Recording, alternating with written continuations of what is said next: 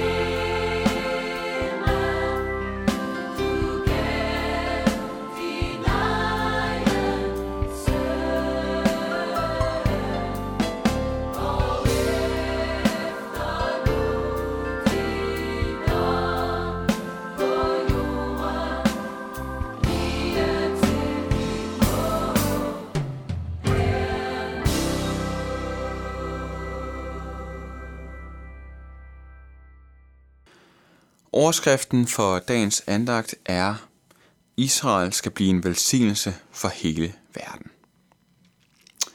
Hvad vil Gud gøre for Israel i fremtiden? Det er spørgsmålet for denne uges andagter. De første tre dage har vi set på tre meget positive ting. Gud vil samle jøderne, han vil skabe en åndelig vækkelse, og han vil lade landet blomstre op. De sidste par dage har vi set på det angreb, der skal rettes mod Jerusalem, og hvordan Jesus vil komme tilbage til Jerusalem, hvor han også får til himles. Jeg vil gerne slutte denne uges andagter med at slå en pointe fast, der springer mig i øjnene, når jeg læser om Israels fremtid i Bibelen. Pointen er, når Gud handler med Israel, skyldes det, at han vil gøre dem til en velsignelse for hele verden. Når Gud handler med Israel, skyldes det, at han vil gøre dem til en velsignelse for hele verden. I Romerbrevet kapitel 11 taler Paulus om Israels fremtid. Han gør det klart, at der netop nu hviler en forhærdelse over Israel, men at Gud i fremtiden vil lade dem komme åndeligt til live. I vers 15 skriver Paulus, For har det ført til forligelse for verden, at de blev forkastet? Kan det så være andet end liv af døde, at de bliver modtaget? Hvordan har det ført til forligelse for verden, at jøderne blev forkastet, spørger du måske. Jo, da et stort flertal af jøder afviste Jesus som frelser, gik frelsen ud til hedninger, altså til ikke-jøder. På den måde førte deres afvisning til forligelse for andre. Men når det er tilfældet, kan det så være andet end liv af døde, at de bliver modtaget, spørger Paulus.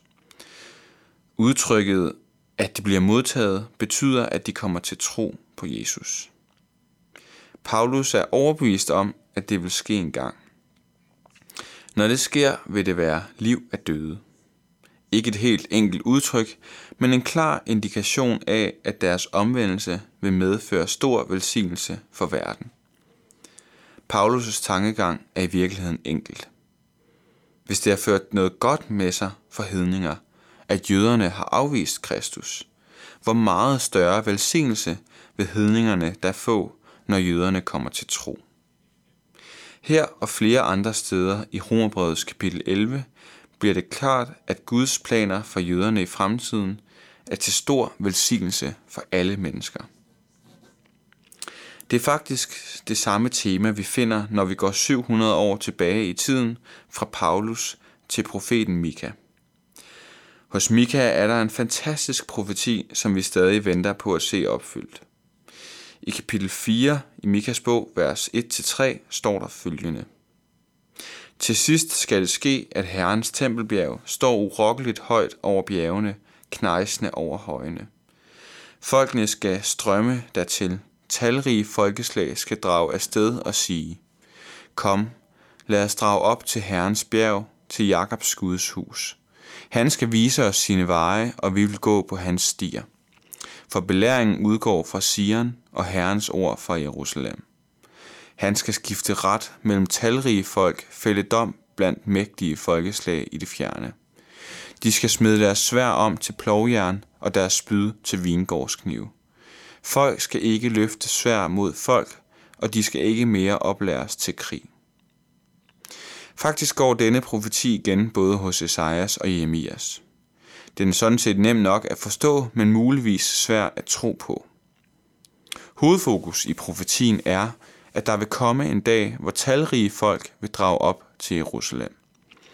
Når de drager afsted, skyldes det ikke et politisk, krigerisk motiv, ligesom den anden gang, hvor de drog op, som vi tidligere har hørt om, men denne gang skyldes det et oprigtigt ønske om at lære den Gud at kende, som hersker fra Jerusalem. Belæringen udgår fra Sion, får vi at vide. Herren skal være dommer blandt mægtige folkeslag, og det hele skal foregå i Israel. Som om det ikke er svært nok at tro, tilføjes det lige, at folk ikke skal bekrige hinanden. Ikke et svær skal løftes. Der skal være total fred. Israel skal være centrum for og kilde til en enorm velsignelse til mange folkeslag. Det gode spørgsmål er selvfølgelig, hvad er det for en tid, disse vers beskriver? Nogle mener, at der simpelthen er tale om den nye jord. Vi er kommet på den anden side af dommedag med denne profeti, hævder man. Jeg forstår godt, hvorfor man er fristet til denne konklusion. Alligevel har jeg svært ved at få det til at passe. Når folkene har brug for belæring og vejledning, og når der er behov for, at der skiftes ret mellem folkene, altså at de dømmes, så tror jeg, det er et tegn på, at vi ikke er nået frem til den nye jord. Men vi må fastholde, at der er tale om en enormt fredsfyldt tid, hvor mange mennesker søger Herren. Jeg tror, der er tale om den tid i verdenshistorien, som i Johannes åbenbaring bliver omtalt som tusindårsriget. Tusindårsriget er en lang periode, hvor Satan er fængslet, så han ikke kan forføre folkene. Det kan man læse om i Johannes åbenbaring kapitel 19 og 20. Det er samtidig en tid, hvor Jesus sammen med de troende skal dømme folkene, hvilket jo passer godt med teksten fra Mikas bog. Tusindårsriget er altså ikke den nye jord, for Johannes fortæller os, at når de tusind år er omme, skal Satan slippes løs fra sin fængsling og forberede den sidste store krig. Men tusindårsriget er en fredstid, hvor folkeslag over hele jorden skal opleve en rig velsignelse. Den velsignelse og belæring skal udgå fra Jerusalem, hvor Jesus vil være. Det er ikke nogen overraskelse, at Gud bruger Israel som et redskab til at velsigne hele verden. Det har været et mønster lige fra Gud engang for længe siden lovede Abraham i 1. Mosebog kapitel 12, at hele jorden skulle velsignes gennem en af hans efterkommere. Selvom det ikke er nyt, har vi brug for at blive mindet om det. Gud er ikke som en dårlig far, der har et yndlingsbarn, som de andre børn kun kan se til med misundelse. Gud er den far, der giver en særlig rolle til et af sine børn, for at det barn skal blive et omvandrende vidnesbyrd om faderens godhed. Det er sådan, vi må betragte Israel. De må lære os om den Gud, vi tror på, for de er hans demonstrationsfolk og hans ejendomsfolk. Vi skal nu høre Hellig, hellig, hellig